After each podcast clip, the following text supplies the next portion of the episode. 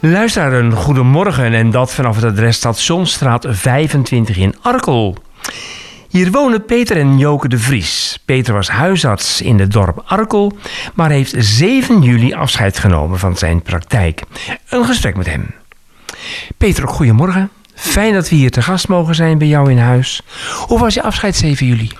Ja, indrukwekkend. Ik had er niet zoveel trek in.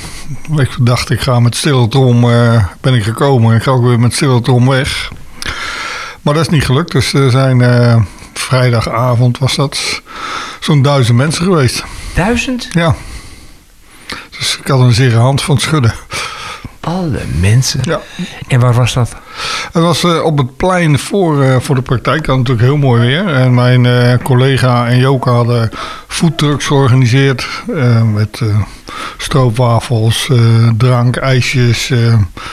nou ja, dus de mensen konden een handje geven. En dan konden ze zich op het plein nog vermaken. Om het zo maar te zeggen. Wat drinken, wat eten. Ontzettend leuk toch zeker? Ja, zeker met het weer. Want Woensdag was het uh, Polly, of uh, Polly, uh, die storm. Ik denk, oeh, maar het was schitterend weer. Vrijdag was het prachtig. Ja. Zo, jongen. Dus een verrassing uiteindelijk. Nou, ik wist wel wat er ging gebeuren, maar het was een ongelooflijk leuk afscheid. Nou, ja, ondanks, je het niet wilde. Nee, ondanks dat ik er wel tegenop zag. Maar goed dat je ook het doorgezet heeft in ieder geval ja. dan, toch? Zeker. En laten we eens terug naar jouw leven. Waar ben je geboren? Ik ben in Alkmaar geboren. Alkmaar? Ja, in het ziekenhuis. In het ziekenhuis? Ja. Maar had je vader daar een praktijk destijds? Of? Nee, mijn ouders die woonden in bij mijn uh, grootouders. Bij mijn oma en opa in Bergen. Maar ik ben een van een tweeling. Dus uh, daarom moest hij in het ziekenhuis bevallen, mijn moeder. Dus nou, dat wordt automatisch Alkmaar. En mijn vader is toen, dat was in september 59. En in november 59 is mijn vader al naar Arkel vertrokken. Als huisarts toen ja. ook, hè? Ja, en wij zijn in januari uh, nagekomen. Is ja. mij verteld hoor. Ja. Daar wist jij nog niks van op nee. dat moment. Hoe ziet jouw schoolcarrière er eigenlijk uit? Nou, heel lang. Ik heb lang bij het onderwijs gezeten, zeg ik altijd.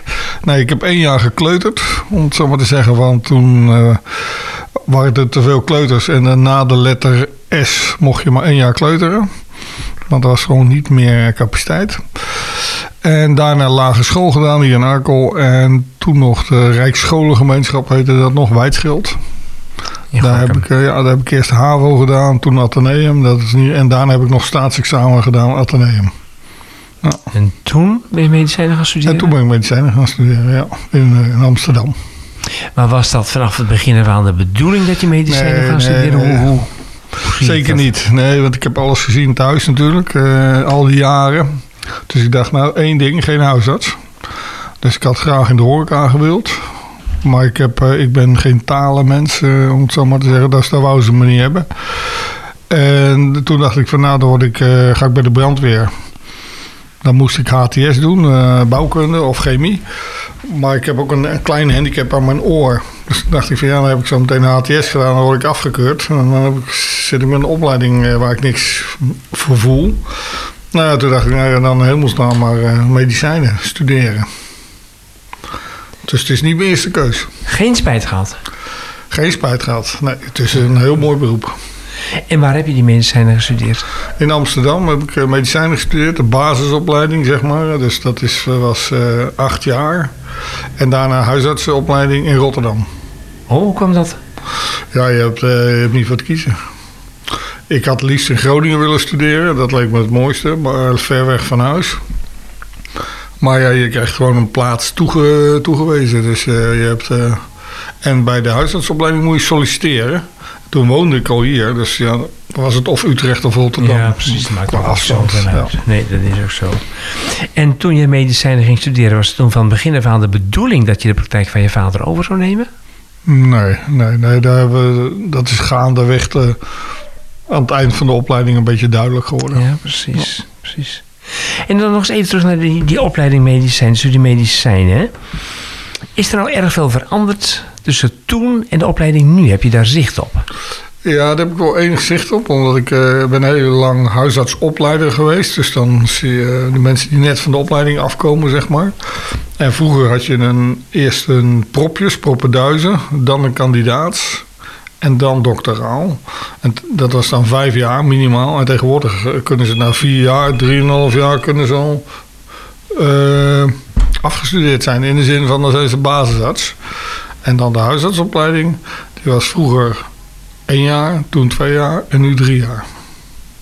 Dat is nogal een verschil. Ja, dat wordt. eh, ja, dat, het- vroeger, toen mijn vader afstudeerde, had je helemaal geen huisartsopleiding. Dan was je arts en dan ging je gelijk eh, de hort op. Om En nou is huisarts een, een specialisme in Het is nu een feite. specialist geworden. Ja. Maar hoe lang duurt het studie in, in totaal dan nou? Nu, als je een beetje alles mee hebt, hè, want je hebt geen wachttijden, dan kan je in zeven jaar klaar zijn. En vroeger was het gauw tien. Ja. Ja. En heb je toen, ja, noem het maar stage gelopen bij je vader? Hoe, hoe ging dat toen? Nee, ik heb eh, toen, je, toen de huisarts of de basisopleiding klaar was, dan moet je je specialiseren als internist of huisarts, net daarna wat je wil. Eh, toen heb ik me op een wachtlijst geschreven, eh, gestaan voor de opleiding voor huisarts. En die is toen na een half jaar is de wachtlijst afgeschaft door een ingreep van bovenaf, om maar zo te zeggen. En toen moest er gelood worden. Heb ik drie jaar, ben ik drie jaar uitgelood, dus ik heb drie jaar moeten wachten. En toen eh, is het daarna is de loting weer afgeschaft. En toen is het een sollicitatieprocedure geworden. En toen ben ik gelijk aangenomen. Wat heb je die, die eh, drie jaar gedaan? En in die tussentijd heb ik bij mijn vader gewerkt. Als, Oh, ba- oh. als basisarts. Maar niet in opleiding, maar gewoon eh, ja, uh, manische van alles. Zo Ja, precies, Ja, precies. daar heb ik het vak geleerd. Ja. Nou, nou lees ik ergens dat er ooit sprake is geweest dat je graag naar Vlieland zou gaan. Hoe kom je nou toch aan Vlieland? Nou ja, dat Vlieland is natuurlijk hartstikke mooi. Omdat je niet alleen huisarts bent, maar je bent ook dierenarts. En je doet nog wat tandheelkunde als het nodig toen. Hè. Dat is nu ook allemaal wel weer veranderd. Maar eh, ja, je bent iets meer op jezelf aangewezen. Drukke zomers, hele rustige winters. Ja, het leek me wel wat. Het is niet doorgegaan. Nee, want mijn vrouw was daar geen voorstander van. En ja, dan gaat het niet door. Nou, het is natuurlijk voor de kinderen is het niet leuk. Want die Nee. gaan natuurlijk eh, maandagochtend van het eiland af. En die komen vrijdagavond weer terug. Ja. Dus ja, dan- je bent ze wel de hele week kwijt. Liep dat vloeiend in elkaar over dat jouw vader stopte en jij de praktijk overnam? Nee, niet helemaal. Maar mijn vader die, eh, die heeft al moeten wachten. Die, eh, die was al eh, 67. En, eh, of 66 was die. Die heeft zijn pensioen uitgesteld omdat ik nog niet klaar was. Zij is nog even doorgegaan. Hij is even doorgegaan. Zo. Met ondersteuning van Joke toen, want die was al wel klaar. Want die is gelijk ingelood. Want Joker was ook huisarts Die was ook huisarts, ja. En die, is, die heeft gelijk ingelood. Dus die was gelijk eh, ja, twee jaar eerder klaar dan ik. Betekent dat dat jullie samen de praktijk erover Ja. genomen hebben? Ja. Oké, op die manier. En, en zo'n begin, hè, dan, dan, je kent de inwoners hier, want je, je woonde hier al. En dan ben je opeens zo'n huisarts. Hoe, hoe is dat? Ja, in het begin dacht ik van, oeh, wat gaat dat worden? Maar eh, met klasgenoten en, en Ja. van vroeger. Maar dat is gewoon om een hele natuurlijke... Kijk, je bent geen dokter. Je bent gewoon, je bent Peter en je blijft Peter. Je kan je niet eh veroorloven om te zeggen, nu ben ik dokter. En nu moet je dokter zeggen. Eh, Die, die capsones moet je niet hebben. En die heb ik ook niet. Dus ik vind gewoon, ik- je bent gewoon onderdeel van de bevolking. Ik kom nog uit de tijd ook van je vader.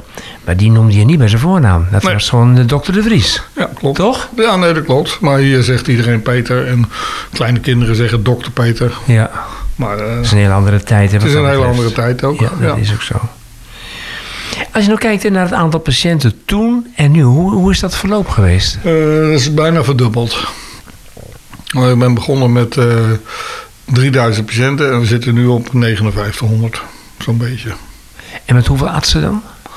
Ja, nu, eh, het, vroeger was het natuurlijk gewoon, had je twee dokters en die werkten gewoon 7 keer 24 uur, bij wijze van spreken. Nu is het allemaal part-time, er is niemand meer die fulltime werkt. Dus we zijn, ze zijn nu met vijf dokters die wel alle vijf, eh, vier dagen of drie dagen werken. En hoeveel assistenten? Eh dokterassistenten vijf, denk ik. En dan nog POH drie en nog apotheeksassistenten vijf. Ja, het is al met al is, als we allemaal compleet zijn, zitten we over de 20 mensen. Een heel bedrijf dokters. onderhand Ja. geworden. Ja. Vroeger toen ik begon had ik één assistent en die alles. De apotheek, dokterskant, bloedprikken. Dat werd allemaal door één assistent gedaan. Dus in dat opzicht heb je wel een hele ontwikkeling eh, doorgemaakt en meegemaakt. Dat is ook veel drukker geworden. Zo. Want heb je zelf altijd gewoon vijf dagen gewerkt? Of, of Nou, de dat? laatste, eh, vanaf 1 januari heb ik vier dagen in de week vier gewerkt. dagen in de week? eh, Maar dat is gewerkt? niks voor mij. Niet? Nee. Gewoon vijf dagen fulltime? Ja, ik- kijk, anders zou je kunnen zeggen, ik ga afbouwen. Ik ga naar drie of naar twee, maar dat, dat zit niet in mijn aard. Dat zat er gewoon niet in. Ja. Ehm, is er voor jou nu ook een andere huisarts bijgekomen? Ja, dokter Kranenburg is erbij gekomen. En dat is een vreemde in voor Arkel of, of was die al hier? Nee, is een vreemde van. Nou ja, ze is hier vanaf 1 september. En eh, dus eh, ze heeft al een stukje ingewerkt, zeg maar. Maar het is een vreemde. Het is van buiten. Hoe, hoe zou je Arkel omschrijven eigenlijk? Hoe, hoe, wat is Arkel voor, voor een gemeenschap? Ja, Ik heb kijk, er ja, zo lang gewerkt ja, en gewoond. en gewoond. Ik woon hier nu 60 jaar. Ruim, 63. Maar, ja, Arkel is gewoon een mooi dorp. Het is natuurlijk een arbeidersdorp van, origine. Dat is natuurlijk wel het een en ander veranderd. Maar het is een hechte gemeenschap. Eh, men kijkt naar elkaar, men houdt elkaar in de gaten als het nodig is. Men helpt elkaar. Ja, ik vind het een heel fijn dorp. Sociaal betrokken nog, zeg maar. Ja. Er gebeurt heel veel. Er gebeurt heel veel. Het is natuurlijk minder dan vroeger, want er is natuurlijk, eh, eh, nou ja, wat wij dan zeggen, import gekomen.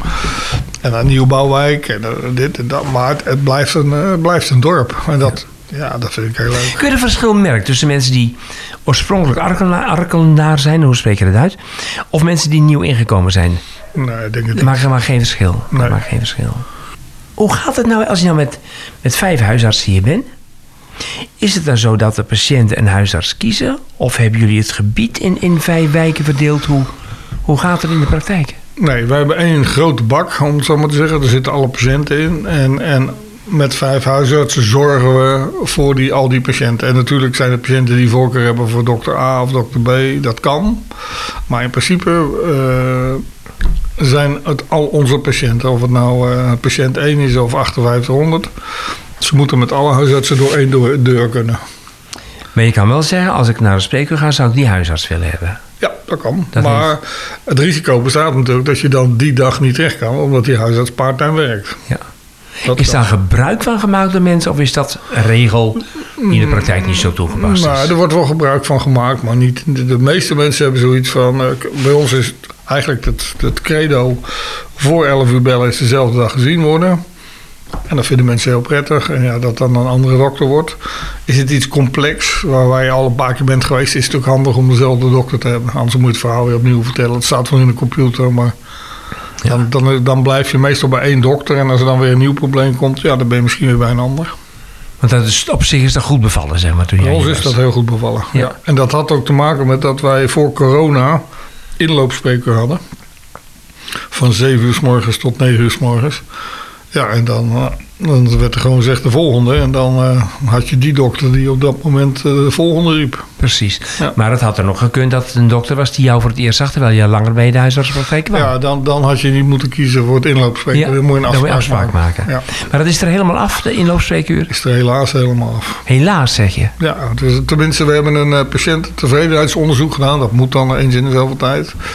En, en daaruit bleek ook wel dat patiënten het heel erg waarderen, zo'n inloopspreker. Dat je gewoon denkt om zeven uur van eh, even voor mijn werk aan. Of eh echtgenoot of echtgenote neemt even de auto voordat de ander aan het werk is. Om even naar de dokter te gaan. Het is natuurlijk best een groot gebied wat wij eh, bestrijken.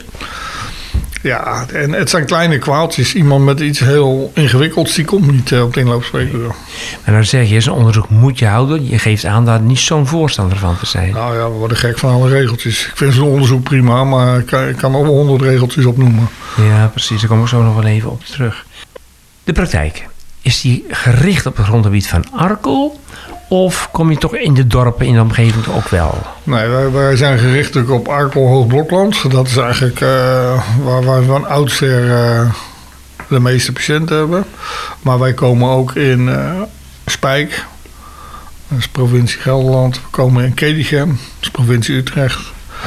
En Nieuwland, Hoornaar, Scherluinen een klein beetje. En tegenwoordig ook veel in Gorkum. Ook. Ja, Hoe komt dat? mensen verhuizen. En dan... eh, Nemen ze de huisarts mee? Ja, vroeger zeiden, ze, zeiden wij dat kan niet. Want als je onder de A15 doorgaat, zoals wij dat dan noemen... dan kunnen we in de weekenddienst niet garanderen dat er een dokter bij, bij jullie komt. Maar ja, tegenwoordig is de huisartsenpost. Dus mensen zeggen wel, maar dan ga ik naar de huisartsenpost. En Ja. dat maakt niet uit waar ik woon. Nee, nee, nee, nee. En ik, eh, ja, mensen zijn blijkbaar gehecht aan de dokter. En dan blijven- gaan ze naar Gorkum. En dan eh, zeggen ze, ja, of ik nou van Oost hier naar Arkel moet rijden... of ik moet van Oost naar Gorkum West. Ja, jij moest het ook. Ja. Maar ja, of ik naar Hoorn rijd of ik rijd naar Gorkum Oost... maakt ook niet Dat veel uit. eh, niet uit. We Dus staan er geen- niet om te springen, maar als men, we zetten ze ook niet buiten de deur. Want als je nou vijf huisartsen hebt, hè, wat, wat is dan het maximum aantal patiënten wat je kan hebben? Als je vijf FTE's zou hebben, ja, dan 10.000. Oh. Dat moet je wel kunnen behappen. Maar goed, je hebt geen, bijna geen FTE's, denk ik. eh. Nee, nee, nee. nee. Zit je een beetje aan je maximum nou? Mm, nou, kijk, wij, wij doen mee aan het project Meer Tijd voor de Patiënt, zoals dat heet. Ja. En dat betekent dat wij eh, in principe een kwartier per patiënt inblokken in plaats van 10 minuten. Eh, en dan heb je gewoon extra dokter nodig, want anders kan je dat niet. Ja, dan, dan gaat het niet, het is niet te behappen. Dus eh, daardoor hebben wij, zitten we met vijf dokters, anders zouden we met vier misschien af kunnen. En dan denk ik dat er nog wel wat patiënten bij kunnen. Dus we zijn niet gesloten. Wat, wat is de uitkomst van dat project, hè, van eh, die langere tijd voor een patiënt hebben? Eh, minder verwijzingen naar de tweede lijn, naar de specialist. Hè. Dus je, bent, je hebt meer tijd om iets uit te zoeken. En niet denken van, nou ja, ik weet het niet, eh daar moet de internist maar naar kijken bijvoorbeeld. Eh, meer eh, tevredenheid bij de patiënten. En ook zeker meer tevredenheid bij de dokter. Minder stress, meer tijd om je werk af te maken. Dus een goed initiatief destijds. Dat is een goed initiatief. Als je rekent dat toen ik hier kwam, deden wij acht patiënten per uur. Dat is één in de 7,5 minuut. En nu doen we er vier in een uur. Dus het is wel relaxter geworden. Waar komt het initiatief vandaan? Bij jullie zelf? Eh, nee, het is nu een landelijk initiatief. eh, en eh, het, is zelf, het zit nu nog, is heel ingewikkeld in. De betalingsstructuur is nog wat ruzie over met minister Kuipers. Die had wat beloofd, maar dat moet allemaal nog geregeld worden. Maar in principe is het nu een landelijk initiatief. Maar wij zijn wel hier met de regio, dus dat is HENS, Huisarts en Zorg. Dat zijn alle huisartsen Gorkum en omstreken. Met VGZ is het wel de pilot geweest. Dus het bevalt, daar komt het op neer. Ja, bevalt zeker. Hè, voor jullie, maar ook voor de patiënt. En daar Ja. gaat het om. Daar gaat het om. Toch? Ja. Kun je nou zeggen hè, dat, dat patiënten in, in de loop van de tijd dat je huisarts bent geweest veranderd zijn? Zijn patiënten mondiger geworden? Hoe moet je dat zien? Nou, patiënten weten meer, want ze zijn beter geïnformeerd door het internet. Ze komen soms met al met artikelen van eh, ik heb dit of ik heb dat of eh, zou dit kunnen zijn of dat. Dat was vroeger natuurlijk veel lastiger. En ja, patiënten zijn wel mondiger geworden, maar niet op een nare manier. Ik vind het alleen maar prettig. Het is hun lijf. Ja, is ook zo. Is ook zo. En hoe is de instelling hier in, eh, in Arkel? Ik, ik weet van Noordloos. Ja, daar is de dokter voor, voor zieke mensen. Zelf ben je natuurlijk nooit ziek. Maar lopen de mensen hier snel naar een huisarts of, of valt het van mee? Dat valt reuze mee. Ja, je gaat je klant ook wel kennen, denk ik. Ja, ja, ja de Toch? pappenheimers ken je wel. Nou, hoe hoe was dat vroeger? Dan was je gewoon zeven dagen in de week was je in dienst. 24 uur per dag. Ben je zo begonnen? Nee, nou, vroeger was er wel weekenddienst. Dan had je één weekenddienst. Dat was van vrijdagavond 6 tot zondagavond 12. En dan had je twee weekenden vrij. En dan weer één weekenddienst. En door de week zat je altijd dienst. Gewoon 7 keer 24 uur. Ja, precies. Toen later zijn de nachten eraf gegaan. Dat is maar heel kort geweest. En toen zijn we naar de huisartspost gegaan. En nu zou je, als je wil, gewoon inderdaad vijf dagen kunnen werken. Als je dat wil, van, van 8 tot 5, ik noem maar even iets. Ja, je moet wel diensten doen om je Maar je registratie... draait zelf mee met die diensten. Ja, ja, dat moet ook. Dat is verplicht. Oké. Ja. Hoe vind je dat in het weekend werken? Vond je het erg of eh, geen punt? Vroeger vond ik eh, die weekenddienst, vroeger zeg maar, dat was ideaal. Want punt 1, je was thuis bij je kinderen, hè, want je deed dienst vanuit huis. Eh, en wij waren een echtpaar, dus als ik naar de voetbal wou, dan deed je ook het even. En als je ook weg wou of boodschappen wou doen, dan bleef ik even thuis. We deden de administratie in dat weekend, waardoor je die last in ieder geval niet eh, de andere twee weekenden, die je vrij had, had. Dus ik vond het heel prettig. De huisartspost is ander iets, want dat is gewoon eh, buffelen. Dat is gewoon acht uur lang eh, patiënten zien. Ja, ik, ik persoonlijk vind het niet het leukste onderdeel van het vak. Het zijn vreemde mensen. Je ziet wel veel acute pathologie. Dat is wel leuk natuurlijk. Veel, eh, je kan ernstige dingen tegenkomen. Maar het zijn wel on- onbekenden voor je. Ja. Niet makkelijk. Nee, is niet makkelijk, nee. nee. Want daar zie je ook wel dat mensen, als er iets anoniem is, is het ook makkelijker bellen. Ja. Als je je eigen dokter moet bellen, s'nachts om drie uur, omdat je jeuk op je hoofd hebt, Ja. ja, dat laat je wel. Ja. Maar eh, de huisartspost is een anonieme instelling en dan wordt er veel eerder een beroep op gedaan. Moet je er soms ergens doorheen prikken bij mensen, terwijl die anders je patiënt hier gekend zou hebben? Ja, dat, eh, het is lastiger natuurlijk. Je hebt, geen, eh, je hebt wel wat gegevens uit de computer, maar het is toch. eh, het is soms spitshoeden lopen. Ja. Ja. Hey, al als huisarts, hè, doe je dan wel eens iets verkeerd? Natuurlijk. Ja? Ik zeg altijd, ieder huisarts heeft een heel klein stukje op het kerkhof. Waar mensen liggen dat het niet helemaal gegaan is zoals het had moeten gaan. Nee. Ja. En, en is dat een behandeling? Is dat andere medicijnen die je toe moeten dienen? Hoe, nee, hoe, het zijn hoe meer moet je dat ge- zien? gemiste diagnoses. Gemiste diagnoses. Ja, ja je, kan, je kan iets missen. We zijn allemaal mens en, eh, en dat gebeurt. En eh, ja, dat, dat is mij ook overkomen. Ja. Ja. Ben je nooit aangeklaagd? Nee, de ik heb nooit een zaak gehad. Want komt dat wel voor bij huisartsen? Ja, natuurlijk. Ja, zeker. Ja. Maar of, eh, kijk, dan is het vaak of het is een gemiste diagnose, wat heel vervelend is, maar er is geen enkele dokter die s'morgens opstaat en denkt van nou, ik zal de plank eens misslaan. Eh, en wat vaak gebeurt zijn bejegeningskwesties natuurlijk. En dat is natuurlijk iets, eh, Wat bedoel je daarmee? nou ja, dat de mensen onbeschoft behandeld worden. Of je ziet wel eens dat nou ja, de huisarts gewoon niet thuis geeft. Hè, een telefoon niet opneemt of eh, niet wil komen. Ja, dat zijn dingen die... eh, dat kan je voorkomen, denk ik. Maar dat je een diagnose mist of eh, iets verkeerd doet, ja, ik kan me niet zit voorstellen. bij het vak. Als je zo dicht op je mensen staat als hier in Arkel. En dat je zegt dat, dat je niet wil komen, kan ik me gewoon niet voorstellen. Nee, ik ook niet. Toch? Dat Nee. is toch zo? Nee, maar het is ook niet zozeer dat hij niet wil komen, maar dan schatten assistenten misschien anders in dan ze het had moeten inschatten of had kunnen inschatten. Ja, en dan, eh, dan zie je vaak dat ene fout op de volgende wordt gestapeld. De wet van Murphy, er gaat ook alles mis altijd. En dan, ja, dan kan dat heel vervelend eh, aflopen. Ja, want we praten nou over de huisarts, maar de assistenten. Dan ook natuurlijk ontzettend belangrijk werk in dat opzicht. Ja, het is het gezicht van de praktijk. Toch? Dat is waanzinnig belangrijk. Die, moeten, die doet de eerste screening. En hoe is de relatie ten opzichte van een praktijkondersteuner? Is dat een verlichting destijds geweest toen die kwam? Want ja, vroeger kende je dat niet. Nee, nee nou, ik denk dat het een enorme kwaliteitsverbetering is. Of het nou, kijk, we diabetes, mensen met suikerziekte, mensen met eh, dementie aan huis. eh, die worden allemaal door de praktijkondersteuners gezien. Eh, en dat deden we vroeger zelf, maar daar hadden we niet zoveel tijd voor. Dus dat was kijken of alles goed ging en dan snel verder naar de volgende patiënt. En de praktijkondersteuners hebben de tijd, die werken heel protocolair. Dus de kwaliteit is gewoon een stuk beter. Kun je nou ook zeggen dat mensen tegenwoordig met andere ziekten bij huisartsen komen dan vroeger? Nee, dat denk ik niet. Alleen we weten meer. Je weet meer. Er worden eerder MRI's gemaakt. eh, je ziet eerder eh, dingen die je misschien vroeger niet zag. Nee. En, en zijn er ook ziektes die misschien vroeger minder goed te genezen waren dan nu? Zeker, ik denk maligniteit, hè, of, eh, maken we natuurlijk wel vorderingen. Ja, we, de, de geneeskunst. Eh, mensen die darmkanker hebben of vrouwen of mannen met borstkanker. Dat zijn toch wel ziektes die, ja, waar we heel veel kunnen. Ik zeg niet dat we het kunnen genezen, maar we kunnen veel meer dan vroeger. Betekent dat er ook meer medicijnen zijn gekomen die echt genezend werken? Of, of dat niet? Nou, of de medicijnen zijn niet genezen. Er zijn natuurlijk veel meer medicijnen dan vroeger. Dat is natuurlijk veel meer soorten. En eh, ik had het daar toevallig over nog met, eh met Joke. Dat vroeger, als het mistig was, zo'n dampige nacht zeg maar. Dan wist je van tevoren al dat je s'nachts je bed uit moest voor astma, mensen met astma. Want dan hadden al die mensen benauwd. Ja, tegenwoordig zijn er allemaal pufjes voor en eh, dat komt gewoon niet meer voor. Ja, een enkeling, maar heel weinig.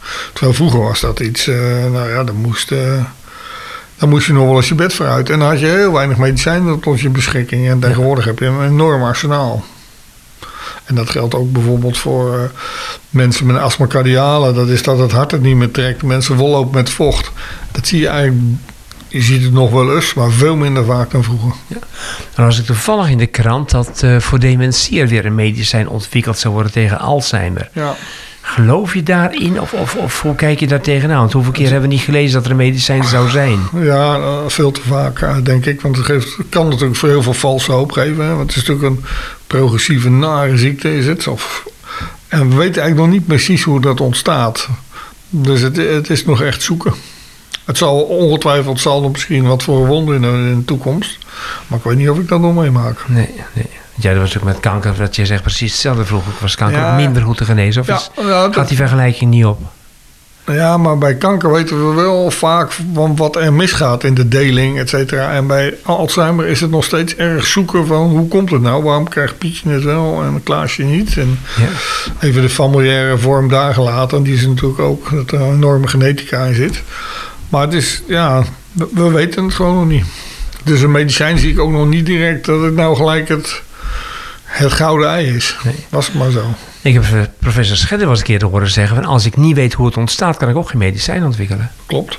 Dat, dat is eigenlijk de reden. Dat is de reden, ja. ja. En dan hoor je zomaar opeens... Ja, nou heb ik een medicijn gevonden en nou... Ja, maar laten we eerlijk wezen, degene die het medicijn vindt, wat het gouden ei is, die is klaar met werken. Ja, want dat is de, ja, dat, het is natuurlijk hoe ouder we worden, hoe meer mensen krijgen met vergeetachtigheid.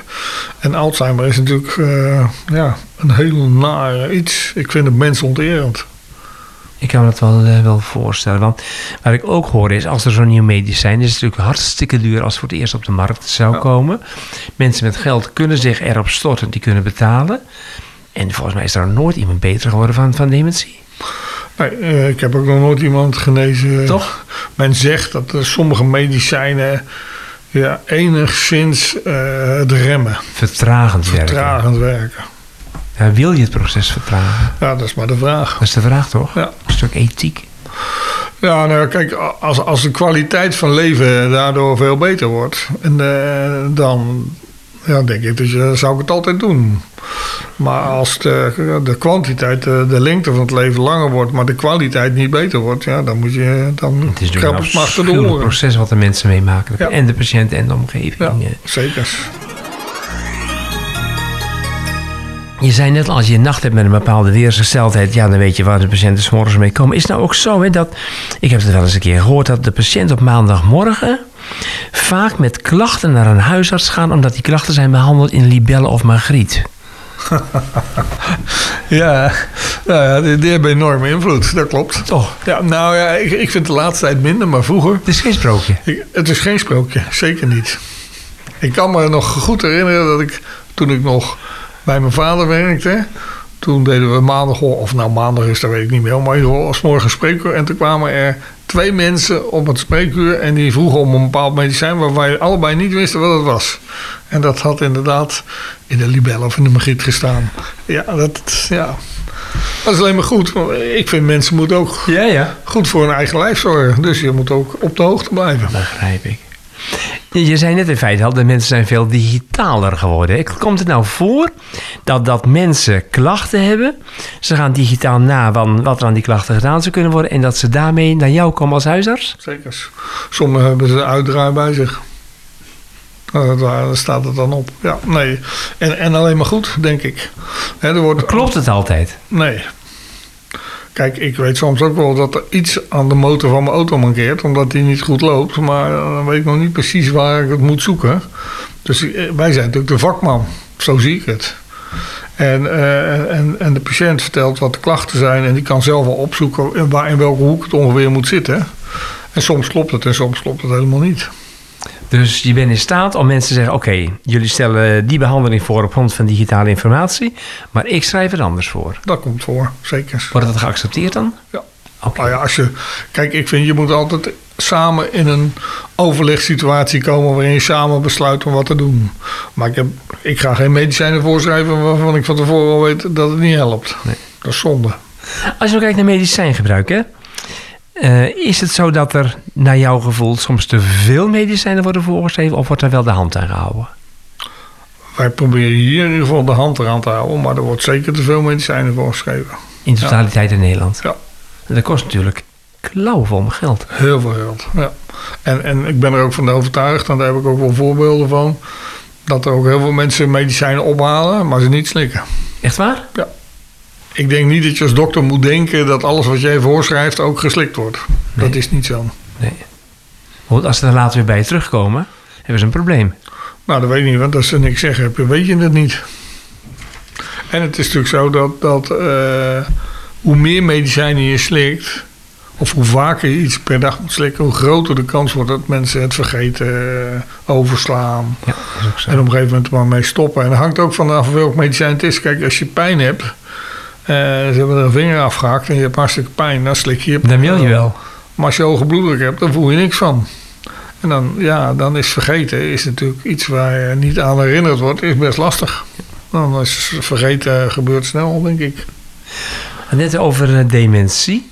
Uh, is dat ook de ziekte waarvan je zegt in Arkel, die neemt het meest toe? Of is dat niet het geval? Nee, ik denk niet dat het de ziekte is die het meest toeneemt. Nee. Dat neemt wel toe, zeker. Ja. Maar je hebt daar zeker mee te maken. Hoe ouder je populatie is, hoe meer je mee te maken hebt natuurlijk. Maar ik kan nog niet zeggen dat dat nou uh, de ziekte is die het meeste toeneemt. Ik zou uit mijn hoofd niet dat kunnen noemen wat wel het meeste toeneemt. Hoe kun je mensen met dementie begeleiden als huisarts? Ja, een intensief traject inzetten. Het, uh, je moet zorgen dat er een case manager opgezet wordt. Uh, bij ons uh, wisselt dat. Dat is de ene keer het GOAC. Een bepaalde organisatie vanuit het ziekenhuis. Maar onze praktijkondersteuners doen dat ook. Die zijn ook case manager. En je moet gewoon heel frequent contact met die mensen hebben. Maar misschien net zo goed met de mantelzorgers als met de patiënt zelf. Ja, dat is één. Dat is één? Dat is één, ja. Alleen met de patiënt praten heeft niet zo heel. Ja, dat is ook, kan gezellig en leerzaam zijn en, en nuttig. Maar de, de mantelzorgers eromheen zijn minstens zo belangrijk. Ja. Want die moeten het uiteindelijk doen. Zijn er wachttijden in onze regio als mensen feitelijk opgenomen zouden moeten worden? Uh, nee. Nou, laat ik het zo zeggen. Als wij echt denken van jongens, dit loopt echt uit de hand. Dat het een crisisopname wordt, dan is dat altijd wel te Dan vind je wel een gaatje. Vinden we wel een gaatje. In de regio, ja. ja. Maar ja, het kan dan ook buiten de regio zijn. Ja, precies. Dat ja. is nadeel. Dat, dat is nadeel dan. Ja. Ja. dat is nadeel. Je zei net iets van, van formulieren en zo, hè? Is die bureaucratie niet... Nou, dit, is, dit is suggestief wat ik vraag. Is de bureaucratie niet ontzettend toegenomen in de loop van de jaren dat je huisarts bent geweest? Word je er niet Gigantisch. gek van? Gigantisch, ja. En nuttig? Nee, dat is volstrekt uh, wantrouwen is het. Ten opzichte van jullie als groep? Als Ja, niet als huisarts, maar ook als specialist, als, als fysiotherapeut, noem maar op. Alle medische groepen hebben daar uh, mee te maken. Maar het is een soort wantrouwen. Waarom moet ik invullen dat iemand stomkousen nodig heeft? En dan moet dan een formuliertje. Dan moest je vroeger, elk jaar moest ik dat opnieuw aanvragen. En dan denk ik, ja, wie gaat er voor zijn plezier met stomkousen lopen?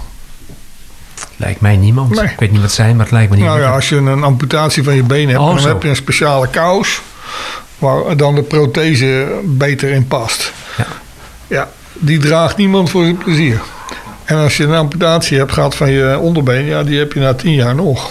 En, eh, maar toch moeten wij dan, moesten we elk jaar daar weer een formulier voor invullen. Ja, dat zijn dingen, dan denk ik van eh, Onbegrijpelijk. onbegrijpelijk. Onbegrijpelijk. Ja. Nou, stop jij eerder dan 67 jaar, de leeftijd dat de meeste mensen met pensioen gaan. Ja. Heeft dat een reden die je wil vertellen? Of, of zeg je. Nou, dat heeft twee redenen. Eén eh, is dat, dat mijn, eh, mijn vader, maar ook mijn opa's die daarboven zitten, allemaal niet oud geworden zijn. Eh zeg ik niet dat ik niet oud word, maar die kans is, is wat groter. Dus ik heb wel gezegd, als ik eerder kan stoppen, dan kan ik toch een stukje van pensioen genieten. Dat is één. En twee, vind ik het vak wel steeds verder van mij af komen te staan. Dus dan denk ik van ja, moet ik op een gegeven moment niet zeggen van eh, het is goed zo. Maar wat bedoel je ermee? Het vak om verder van me af te staan. Het wordt zakelijker. Het wordt, eh, het wordt meer op afstand. Eh, kijk, vroeger dan bezocht ik één keer in de week alle patiënten in het ziekenhuis. Eh, sociale, als ik denk van nou, dat gaat daar niet helemaal goed. Dan deed ik een sociale visite. Zoals, dat heet dan een sociale visite. Ja, dat wordt allemaal, ja, dat verdwijnt allemaal. En dat vind ik juist de charme van het vak en ook de waarde van het vak. Kijk, een patiënt in zijn keel kijken, dat, iedere aap kan je kunstje leren, dat is niet zo moeilijk. Maar het gaat juist om die betrokkenheid, die 7 keer 24 uur. Ja, dat zie ik wel, daar wordt wel aan getornd. eh. zo maar te zeggen. Ik meen eens gehoord hebben van een huisarts in Leerdam. Die bezocht één keer in de zoveel tijd patiënten die hij nooit op spreekuur zag. Heb je dat eens gehoord? Heb ik wel eens gehoord, maar hebben wij nooit gedaan. Ik zou, ja, het kan wel. Je kan de computer laten uitzoeken. Maar Ja. dat hebben wij nooit gedaan. Maar ik bezoek wel... eh, nou ja, wij hebben een, een, alle mensen die met chemo bezig zijn, die bestralen, die worden wel allemaal systematisch bezocht. Maar ook dat wordt moeilijker. Ja.